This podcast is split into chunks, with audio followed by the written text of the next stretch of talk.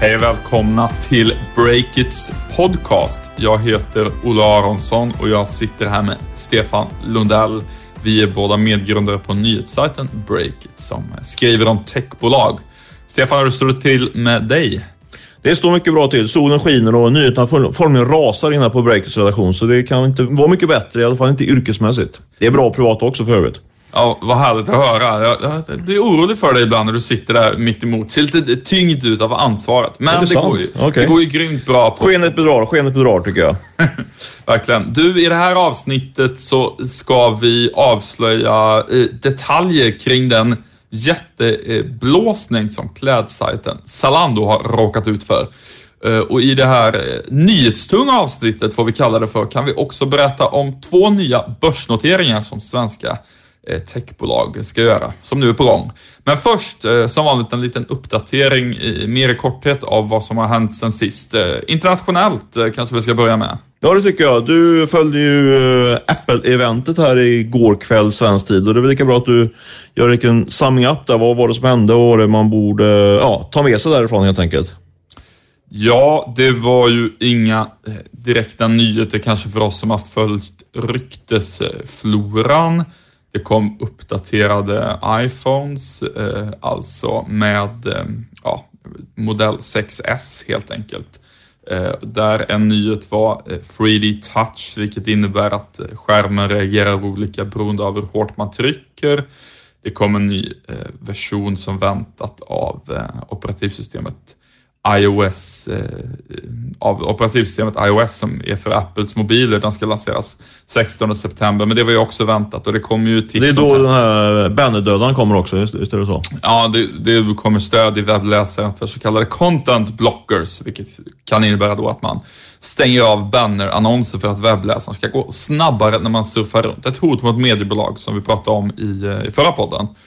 Eh, men det var ju inte den stora grejen på Apples event, utan den stora grejen var eh, en App Store till den nya kraftfullare Apple TV. Och jag tycker man ska betona det att visst, den är kraftfullare hårdvara, själva Apple TV, men nyheten är ju möjligheterna för att bygga spel och lansera dem i den nya egna appbutiken som Apple TV alltså får. Och det är ju tydligt... Varför ska man betona det? Vad, vad är det som är intressant på det? Ja, helt enkelt eftersom det är tydligt att Apple ser att eh, eh, TVn kommer att gå samma väg som mobilen. Alltså man kommer att ha en, en rad appar man använder eh, istället för TV-kanaler. Och det är ingen ny spaning i sig, men det, är ju väldigt, det blir ju väldigt tydligt så som Apple presenterade på eventet igår och dessutom är det ju så att um, det har ju liksom inte tidigare varit helt självklart att det ska bli så att Apple satsar så tydligt på spel. Men nu blir det väldigt tydligt att så ska ske. Eh, det finns ju egentligen ingen annan anledning till exempel till att göra eh, hårdvaran så kraftfull, utan det är för att han ska stödja spel och för att folk ska bygga massa nya appspel som man ska spela på TVn. Och det är förstås av, av stor betydelse att Apple tar ett ett nytt grepp om tv-spelsmarknaden så att säga. Är det det viktigaste då? Vi bevakar ju, har ju huvudfokus på den svenska startup-scenen kan man säga. Är det, är det, det alltså svenska spelstartups, är det de som, är, som ska som påverkas mest av den här lanseringen då, eller vad, vad skulle du säga? Ja, men det tycker jag. Eh, det är ju ett nytt sånt här öppet spelfält så att säga för spelutvecklare som vill ge sig in och, och göra spel för den här plattformen. När mobilspelen kom först till Eh, till iOS, alltså när, när iPhone eh, fick bättre stöd för spel, då eh, kunde ju företag som till exempel King och Rovio slå sig in så att säga på den, ehm, den oplöjda marken där och sen bli väldigt stora succéer. Och nu kan det bli en, en guldrush av motsvarande slag för appspel till Apple TV och det kommer ju många speltillverkare att, många kommer ta chansen där tror jag.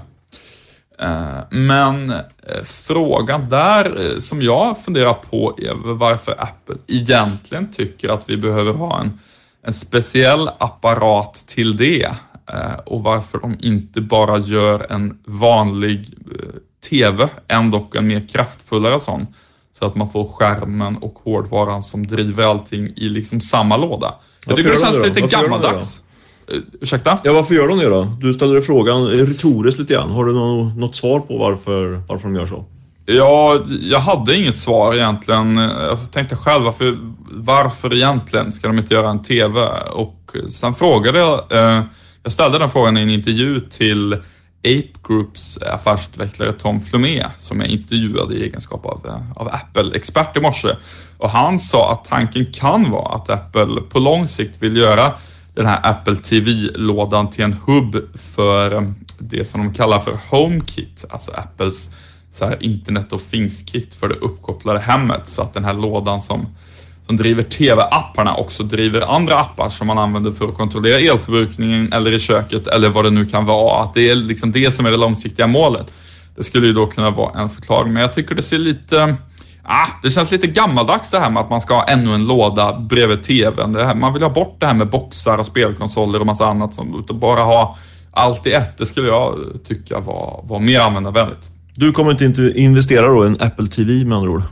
Ja, det, det, får vi se. Det skulle jag väl kunna tänka mig att göra ändå. Det, det beror på om... Det är klart att om man testar den och det är liksom så här grymt skön användarupplevelse, då kanske man blir eh, fång, fångad ändå. Men jag, eh, jag, ändå, jag får ändå inte liksom ett riktigt så bra grepp om vad deras egen strategi är där. Jag är eventuellt en köpare. Jag har inte haft TV på snart eh, tio år tror jag hemma. Vi tittar på dator. Så nu kanske investerar i en Apple TV. Äntligen med lite early adopters. Du, eh, vi får se hur det blir med det. Vår nya reporter, eh, eminente och snabba och eh, kunniga och duktiga på alla sätt och vis. Vår nya reporter Jonas Delange har ju gjort en eh, stor kartläggning, förmodligen den första kartläggningen av svenska startups som jobbar med VR. Du testade ju senaste VR-tekniken förra veckan och var rätt exalterad av det där om jag uppfattade det rätt. Och eh, jag och du har ju båda läst eh, Jonas text där. Vad, vad, vad tycker du var mest intressant i den här kartläggningen? Det var väl dels att det egentligen inte är eh, VR, virtuell verklighet, utan AR. På engelska augmented reality eller förstärkt verklighet som man kan säga på svenska. Det är snarare AR som väntas bli det riktigt stora kommersiellt. Och det hade väl kanske inte jag tänkt mig, men det var både många investerare och eh, konsultbyråer som, som skriver rapporter om det där väntar sig. Och efter allt hån som Google Glass har fått, som ju är någon sorts augmented reality, det, så, så trodde man väl inte att det, förväntningen låg där, men så är det tydligen. Och det kan ju då till exempel handla om att vi i framtiden kommer att gå runt med ett par glasögon på vårt kontor och i de här glasögonen ser vi typ en möteskalender uppe i ögonvrån. Eh, det skulle också kunna handla om andra typer av företagstjänster som till exempel att arkitektkontor kan använda eh, AR eller VR för att eh, gå runt inne i sina ritningar. Eh, en typmodell skulle kunna vara att en inredningsarkitekt liksom tar på sig ett par AR-glasögon eh, och sen går runt in i en tom kontorslokal och där inne liksom kan se vilka möbler man skulle kunna eh, ställa där inne.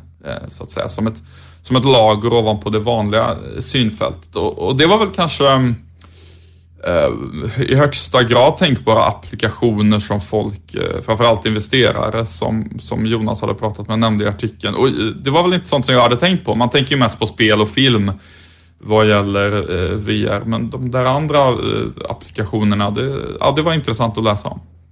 Vad, tyck, vad, tyckte du om, eh, om kartläggningen? Ja, jag tyckte ju att investerarna var ganska, inte var riktigt på tårna. Jag trodde att de skulle vara mer på det här. Eh, det byggde jag framförallt på att jag dels träff, pratade med Per Roman här i förra veckan. Han pekade ut eh, VR och AR som två, två heta investeringsområden. Men framförallt så pratade jag med min, min favoritinvesterare som brukar ligga väldigt, han är väldigt trendkänslig och brukar ligga rätt. Vilket innebär att han är väldigt rik just nu har varit det länge. Eh, och han pratade till exempel tidigt om 3D-printing och, och eh, som ett väldigt spännande tema. Och det var ju, är det en hemlig favoritinvesterare? Ska vi en hemlig, får vi säga. Ja, eftersom jag inte nämnde den med namn då, så tycker jag att det kändes eh, hemligt, får vi kalla det. Mm. Eh, han är min favoritinvesterare. Eh, hur som helst, han brukar ligga väldigt rätt i, eh, i sina förutspåelser. Han var väldigt tidigt på 3D-printing och och eh, Arkham, svenska Arkham, som gick som en raket sen på börsen. Och han eh, tittar bland annat på, faktiskt på, inte på VR utan på AR och investerade i det. Eh, började han prata om för, på, för ett par, några månader sedan sådär. Och då kände jag att jag måste titta mer på det här området. Så jag trodde att, eh, att de andra eh, mer publika riskkapitalisterna skulle vara mer på och gjort lite mer investerande. Det fanns en del av dem som gjort det, men eh, Jag tror att det här är ett väldigt spännande segment som kommer att generera många nya eh, entreprenörsmiljonärer framöver. Så det är ett, ett spår som vi kommer följa och, och eh, följa upp helt enkelt. Kolla in det på breakit.se om ni nu inte har läst den här artikeln redan. Den här veckan sponsras vi av Miss Hosting. Eh, Miss Hosting är ju företaget som man ska anlita när man snabbt och smidigt vill få upp en ny sajt på nätet. Via Miss Hosting kan du som entreprenör eller som vanlig dödlig köpa din egen domänadress. Du kan sedan ha din sajt på deras webbhotell och dessutom ha en server hos Miss Hosting. Det finns ett litet paket där av saker man kan få hjälp med från Miss Hosting. De fixar helt enkelt skivan för alla entreprenörer och andra som vill komma igång på stört på nätet. Så skulle man kunna uttrycka det och via breakit.se så kan ni få lite mer info om Miss Hostings produktutbud. Ni klickar på någon av deras banners som ofta dyker upp på vår sajt så, så kan ni få veta mer. Gör så. Då tackar vi Miss Hosting för veckans sponsorskap. Stefan, du har ju en riktigt intressant nyhet på gång om ett företag som är en äh, gammal poddfavorit för vår del. Zalando, Europas största modesajt. Vad är det som har hänt där? Uh, ja, jag har faktiskt uh, gjort en liten djupdykning i Zalandos senaste kvartalsrapport här som kom för några veckor sedan var det väl. Uh, och när jag pratade med dem på deras eh, Investor Relation-avdelning så sa de de klassiska orden att det finns ingen dramatik i det här och så vidare. Så det, var, det här har vi redan pratat om. Men eh, jag kan säga att man fick läsa väldigt mycket och prata med ganska mycket folk för att fatta det här. Och det som har hänt tycker jag är ganska anmärkningsvärt. Det är så att eh, Zalando har torskat en massa pengar eh, på grund av att de i början av det här året ändrade sin algoritm eh, som gav effekten att fler människor kunde köpa på faktura. Alltså man, eh, man kan säga att man skruvade upp sin risknivå helt enkelt där för att man gav klartecken för fler, fler kunder och, och eh, köpa på kredit som det blir i praktiken. Och det här utnyttjade ett eller flera kriminella nätverk faktiskt. Och det gick till så att de beställde en väldig massa varor och hämtade ut dem, men betalade aldrig och eh, Zalando fick liksom aldrig tag på de här som hade beställt varorna. Hur, hur dyrt blev det för bolaget? Riktigt dyrt. Det måste vara en av de större, större scamsen i, i den eh, europeiska e-handelshistorien. De torskade nästan 175 miljoner kronor på det här innan de stängde ner den här, eller rätt sagt skruva åt den algoritmen. Det är kännbart eh, även för Zalando, verkligen. Ja, jag tror att det, nu har, det här var inte exakt, men jag tror att det är en, en stor del av deras eh, kvartalsvinst eh, åts upp utav det här. Så det, det är eh, en eh, kännbar förlust. De stängde ner den här, eh, eller skruvade åt den här eh, algoritmen och polisen jagar nu de här, eh, de här eh, personerna som ligger bakom den här, eh, den här svindeln. Men som jag uppfattar det så har de inga misstänkta och Zalando räknar med att de inte kommer att få tillbaka pengarna. Det är därför som de tvingas skriva om det här i sin kvartalsrapport en riktigt tung smäll på resultat får man säga. Och jag tror faktiskt att det är lite tveksamt då att eh, om hela, liksom, i alla fall delar av aktiemarknaden möjligtvis är uppmärksamt. Men de, de flesta investerarna i Zalando tror jag faktiskt inte har en aning om det här. För det var som sagt inte helt enkelt att och gräva fram det här i Zalandos officiella kommunikation.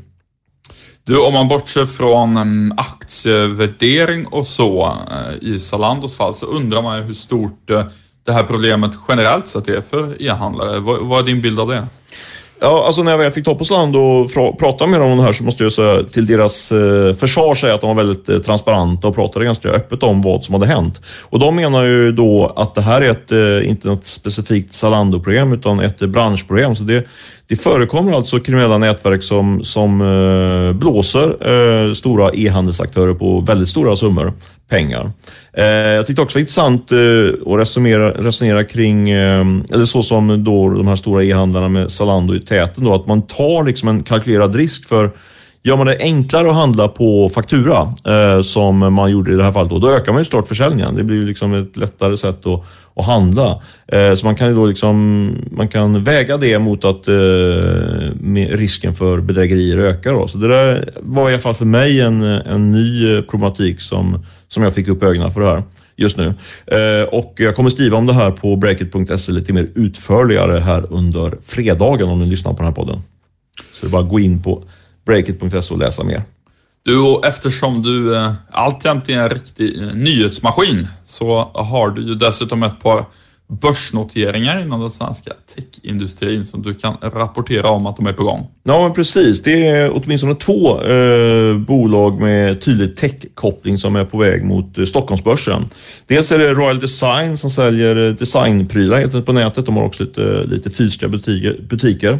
De är riggade för börsen eh, och det är bara en timingfråga innan de slår till så att säga.